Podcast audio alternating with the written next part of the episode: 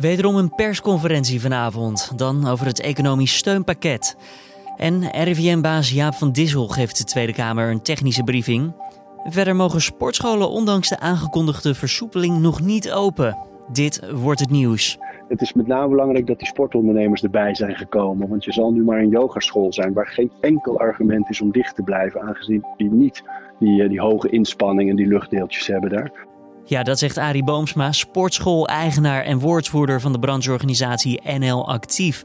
Sportscholen maken namelijk geen deel uit van de versoepelingen die gelden vanaf 1 juni. Terwijl dat wel zou moeten kunnen, al dus Boomsma. Nou, waarom? Dat vertelt hij straks. Eerst kort het belangrijkste nieuws van nu. Mijn naam is Julian Dom en het is vandaag woensdag 20 mei. Het is aannemelijk dat in Nederland een coronabesmetting heeft plaatsgevonden van dier op mens. Dat meldt de Rijksoverheid op basis van nieuwe resultaten uit een lopend onderzoek naar besmettingen met het coronavirus op Nertse bedrijven. De overheid noemt het aannemelijk dat de medewerker van het bedrijf besmet is door nertsen met het virus. Verder blijkt ook dat nertsen besmet zijn met het coronavirus niet altijd ziekteverschijnselen vertonen.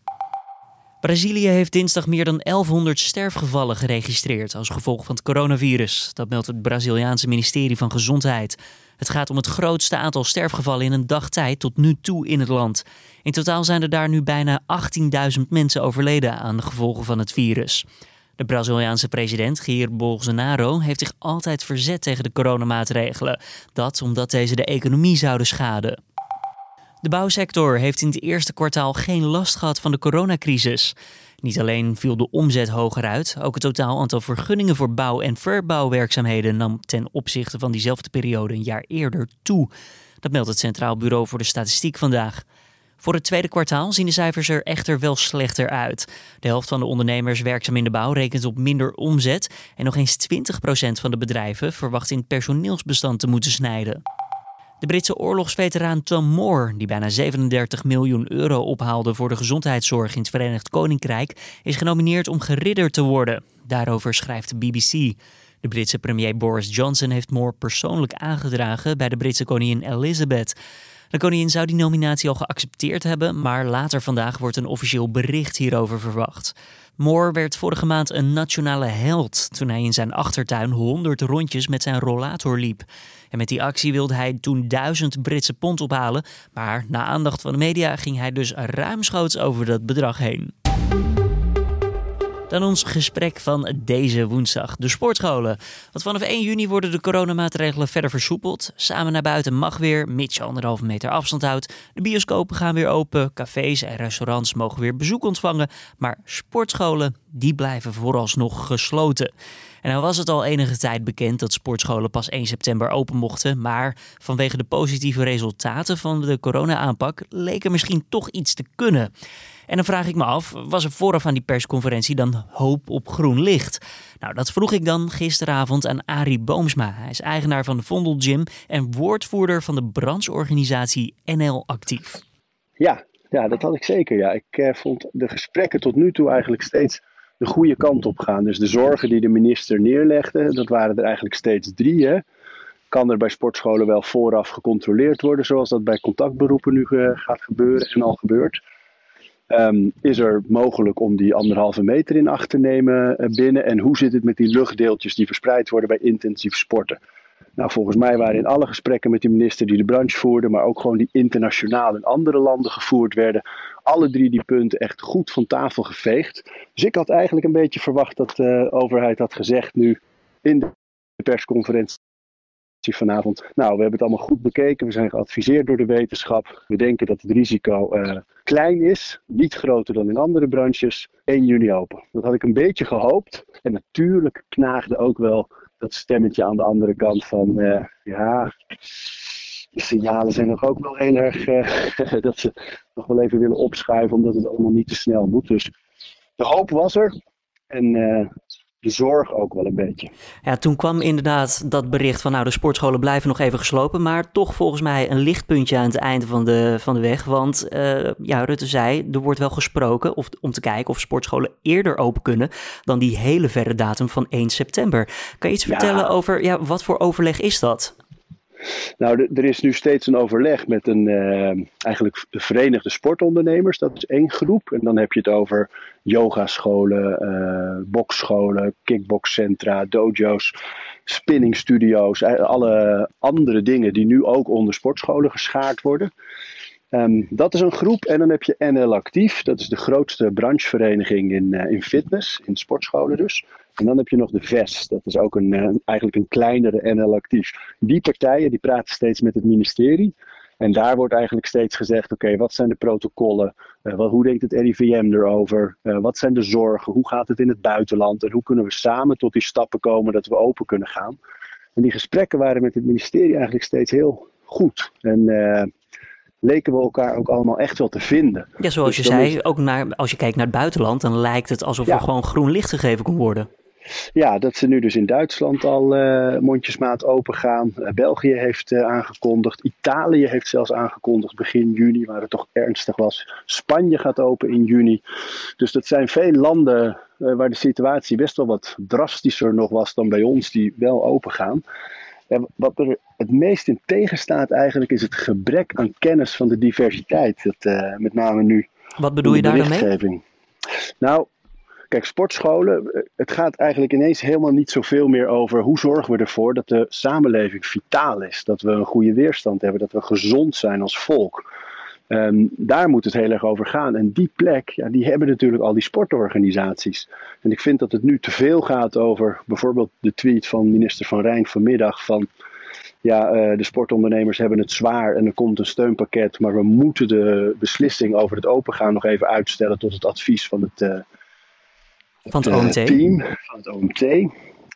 Daar mis ik van we moeten zorgen dat, het, dat, dat, dat Nederland gewoon weer sterk is. Dat we aan onze weerstand werken. Dat je, ik hoorde een voorbeeld vanmiddag van, van Boris van der Vorst van de Boksbond. Zijn vader is uh, eh, 78.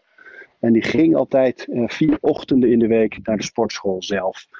En natuurlijk wandelt hij nu en hij eet gezond, maar je werkt niet aan kracht. Je werkt niet onder professionele begeleiding. Je werkt niet in een omgeving die stimuleert. Dus hij ziet zijn vader achteruit gaan in deze periode. Zoals heel veel Nederlanders nu achteruit gaan. En dat is zonde. Maar nou zei premier Mark Rutte ook van ja, weet je, we maken deze afweging uh, niet zomaar, maar die wordt gemaakt op basis van de risico. En niet alles kan tegelijkertijd open, want anders wordt het gewoon te druk op straat. Het lijkt misschien ook gewoon een beetje alsof jullie ja, pech hebben gehad met alle sportscholen. Alles eh, omdat er gewoon keuzes gemaakt moet, moesten worden van wat mag nou wel open nu al en wat moet nog even wachten. Ja, en daar mis je dus de visie op wat maakt een land gezond. En toen dacht ik ineens, toen ik hem dat inderdaad hoorde zeggen, dacht ik ineens aan dat moment, uh, was vorig jaar, uh, met de btw-verandering, weet je nog? En dat toen ineens, toen hadden ze een kans om bijvoorbeeld niet de btw-verhoging toe te passen op groente en fruit en op de zorg en andere uh, dingen die bijdragen aan onze gezondheid. En dat werd toen niet gedaan. En ineens tekende zich een beeld af dat ik dacht, ja, begrijpen ze wel wat ons gezond houdt en wat ons vitaal houdt en, uh, en, en hoe belangrijk die sector is voor Nederland. En dat, uh, en maar, dat verbaasde me eigenlijk. Maar wat wordt daar dan op gezegd? Want dat is dan een uh, ja, argument wat jullie naar de tafel brengen, naar, waarover gesproken wordt dus met de regering, want er is contact. Wat zeggen zij dan op basis van, ja weet je, toch nog eventjes niet, we willen nog wachten? Ja, nou dat, dat is het jammer. Kijk, zoals jij en ik nu praten, zo zijn wij gewend te praten met elkaar. En die gesprekken met zo'n zo'n vertegenwoordigersgroep en een, uh, een ministerie, dat is veel meer van: dit zijn de agendapunten, die gaan we neerleggen. Daar komt dan later weer een reactie op. Dus het is niet een dialoog op dat moment. Bureaucratisch. Dus dat maakt het heel. Mm, ja, zo, ja, ja, bureaucratisch, maar het is ook, je voert het gesprek niet met de mensen die de beslissingen nemen. En dat maakt het lastig. Voelen dus jullie je wel sturen... serieus genomen dan? Jawel, zeker wel. Ja, het is met name belangrijk dat die sportondernemers erbij zijn gekomen. Want je zal nu maar een yogaschool zijn waar geen enkel argument is om dicht te blijven, aangezien die niet die, eh, die hoge inspanning en die luchtdeeltjes hebben daar. Maar dus het is goed dat zij erbij zitten. Dus zeker wel serieus genomen als branche, maar niet als factor in de samenleving. Dus wat ik net zei, hè, dat je die, die vitaliteit en zorgen dat we gezond zijn. En zorgen dat je een, een, een, sociale aansluiting biedt. Dus het gevoel van vereniging. Maar vooral gewoon dat werken aan de weerstand van mensen. Dat, is zo'n belangrijke plek. En dat wordt een beetje vergeten. Dus in dat opzicht misschien te weinig serieus genomen. Nou, dat is duidelijk. Dat, dat doet iets goeds voor de mensen, inderdaad. Uh, sporten zelf, ja, daar zal niemand over twijfelen dat dat gezond is. Maar binnen sporten, dan hebben we het toch eventjes over die luchtdeeltjes. Wat kunnen jullie daaraan doen om ervoor te zorgen dat ja, bij een sportschool toch zo'n veilig mogelijke situatie ontstaat? Ja, er is, is net in uh, Zuid-Korea even geleden een, uh, een outbreak weer geweest. Hè, een tweede, tweede, en die werd herleid naar een sportcentrum. En daar is meteen onderzoek over gedaan. En daar werd ook heel erg duidelijk dat zo'n gevaar, zo'n risico, vooral is in situaties waar te veel mensen in een te kleine ruimte met een slechte ventilatie zijn. Nou, als je de sportcentra van Nederland bekijkt, er zitten ook kleintjes tussen.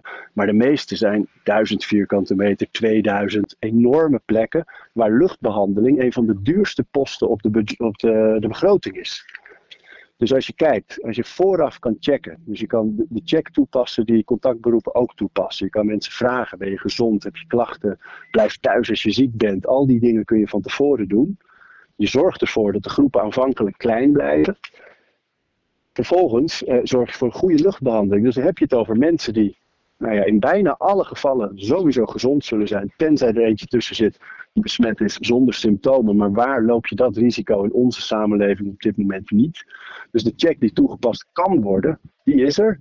Dan is er die luchtbehandeling om die luchtdeeltjes juist uit de lucht te halen. Dan blijft er gewoon eigenlijk geen argument meer over om niet te zorgen dat we gezond en sterk blijven. Zou er, ja, er blijft geen argument over, maar zou er misschien in de tussentijd toch wel een soort van oplossing moeten komen voor um, nou, bijvoorbeeld die yoga studio wel en uh, ja, een sportschool waarbij intensief contact normaal gesproken toch wel noodzakelijk is. Ik noem iets. Uh, nou, boksen doe je soms met z'n tweeën, is natuurlijk niet verplicht, maar zou daar misschien nog een verschil in moeten komen vanuit de regering? Van laten we dan stapsgewijs alvast even iets openen. Ja, zeker joh. Zo gaat het ook in andere landen. Dus dat is eigenlijk een van de meest teleurstellende dingen aan de, de situatie nu. Dat er inderdaad niet gekeken is, wacht even, die diversiteit van de soorten sport. Dus yogascholen kunnen nu gewoon open. Eigenlijk bijna allemaal, de pilatesstudio's ook. Je zou bij fitnessscholen kunnen kijken zoals het nu in Duitsland gaat bijvoorbeeld. Dat uh, je één op één al binnen mag als je met apparaten werkt of als je rustige trainingen doet yogalessen, uh, bepaalde vormen van krachttraining. Op het moment dat het om intensief sporten gaat, dan doen ze daar nog even niet. Maar dat kan dan bijvoorbeeld weer buiten. Dus je verwacht eigenlijk een visie van de overheid dat je zegt: oké, dit is het probleem. We kunnen wel één op één sporten als er niet te veel mensen binnen zijn. Dan kunnen we in ieder geval weer een beetje aan die gezondheid gaan werken, allemaal ook binnen.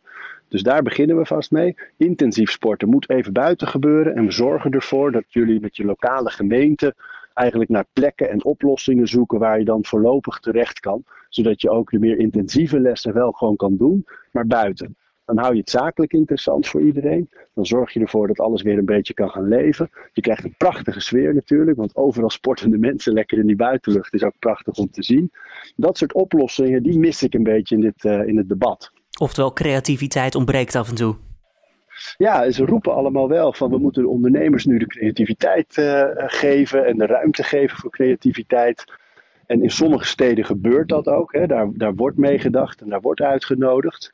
Maar ik heb het gevoel dat er nationaal veel geroepen wordt, maar weinig uh, wordt bij daad gevoegd.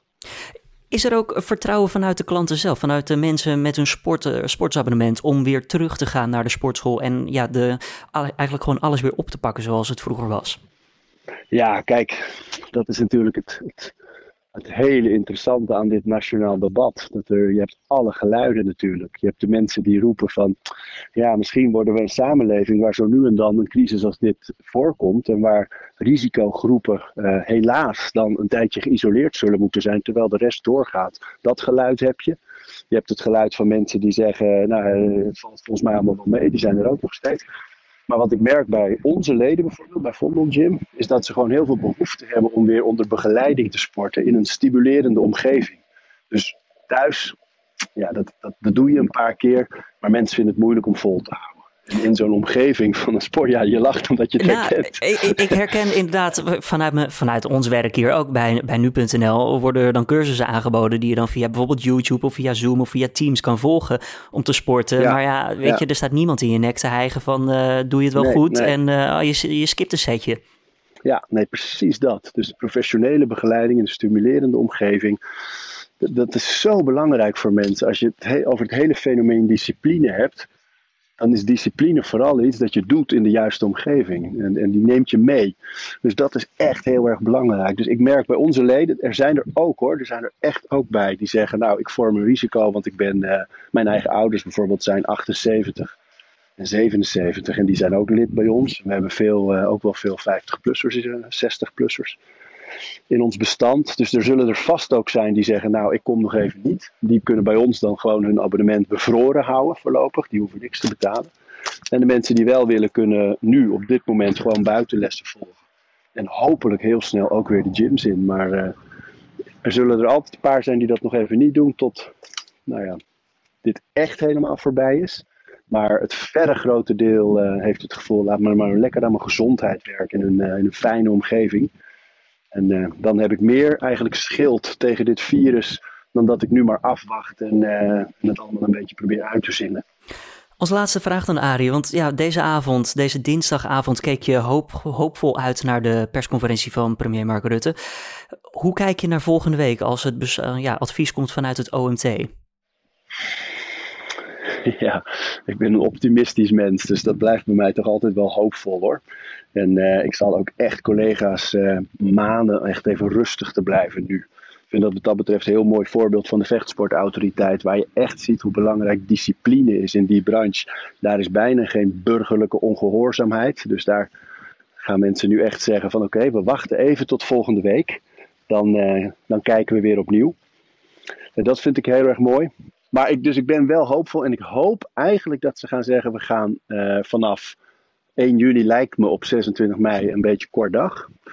Uh, dat hoop ik nog wel steeds, maar ik verwacht dat het dan midden juni gaat worden en dat ze gefaseerd open gaan. Dus dat ze inderdaad gaan kijken. Uh, de sportscholen kunnen open, maar nog even niet die, die intense lessen. Of we gaan de luchtsystemen testen. Zijn die voldoende? Dan gaan we alle lessen meteen doen. Het zal gefaseerd gaan, zoals alles nu gefaseerd gaat in onze samenleving. Maar ik verwacht wel dat we in juni open gaan. Positieve geluiden dus waarop gehoopt wordt. Maar voor de zekerheid moeten we nog eventjes een week wachten. Arie Boomsma hoorde je daar, woordvoerder namens NL Actief. Dan verder de nieuwsagenda voor deze woensdag. Nou, na afloop van de ministerraad geven minister Koolmees en minister Hoekstra een persconferentie over het tweede pakket met financiële steunmaatregelen.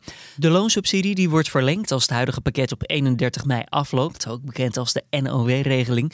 Wel zijn er enkele belangrijke verschillen die we verwachten. Zo vervalt de boete voor het ontslaan van personeel en mogen werknemers geen bonussen en dividend meer uitkeren. Verder geeft Jaap van Dissel van het RIVM de leden van de Tweede Kamer om half tien deze ochtend weer een technische briefing over de stand van zaken rondom het coronavirus. En daarna volgt om half vier middags in de Tweede Kamer een debat over de aanpak van de coronacrisis. En in de rechtbank van Amsterdam staat tv-bekendheid en verslavingsdeskundige Keith Bakker voor de rechter. Hij wordt verdacht van seksueel misbruik van een minderjarig meisje en behandelen van personen, terwijl hij in 2012 een beroepsverbod opgelegd kreeg. Bakker werd destijds schuldig bevonden aan het misbruiken van zeven vrouwen, van wie er vier toen minderjarig waren. Het ging om slachtoffers die door Bakker werden behandeld. En dan het weerbericht voor deze 20 mei. Ochtends kans op mist, maar dat lost wel redelijk snel op allemaal. Het wordt overdag een vrijwel zonnige dag, al is er later in de middag wel een klein beetje kans op wat stapelwolkvorming. Op de Wadden wordt het zo'n 18 graden en het wordt 25 graden in het zuiden van het land. Joe Rogan, ja, die naam zegt je misschien wel wat. Hij verhuist zijn populaire podcast, de Joe Rogan Experience, naar Spotify. De twee hebben een exclusieve deal gesloten, waardoor de podcast enkel nog daar te horen en zien zal zijn vanaf september. Rogan's podcast is bekend vanwege de losse sfeer die hij heeft met zijn gasten. De afleveringen die worden vaak miljoenen keren afgespeeld. Zo ook zijn gesprek met Tesla-baas Elon Musk. Nou, op YouTube is dat interview al meer dan 13 miljoen keer bekeken. Dit was dan weer de Dit Wordt Het Nieuws ochtendpodcast. Vanmiddag is mijn collega Carne van der Brinken weer met een middageditie. En dat zal tot maandag eventjes dan de laatste Dit Wordt Het Nieuws podcast zijn. Morgen is namelijk hemelvaart en die vrijdag zijn we er ook niet. Waardoor je twee dagen eventjes geen ochtendpodcast en geen middagpodcast krijgt. Wel is er vrijdag uiteraard gewoon de week van nu. Oftewel de openbare redactievergadering met hoofdredacteur Gertjaap Hoekman zodat je toch nog met het nu.nl gevoel het weekend in kan gaan. Tips of feedback zijn verder altijd welkom bij ons. Podcast apenstaartje Voor nu in ieder geval een hele fijne dag. Mijn naam is Julian Dom. Ik spreek je nou volgende week ook niet, want ik heb wat vakantiedagen opgenomen. Ehm, dus ja, ik spreek je over twee weken weer. Maar tot die tijd kan je gewoon vertrouwen op de Dit Wordt Het Nieuws podcast met mijn collega's. Ik wens je voor nu een hele fijne woensdag.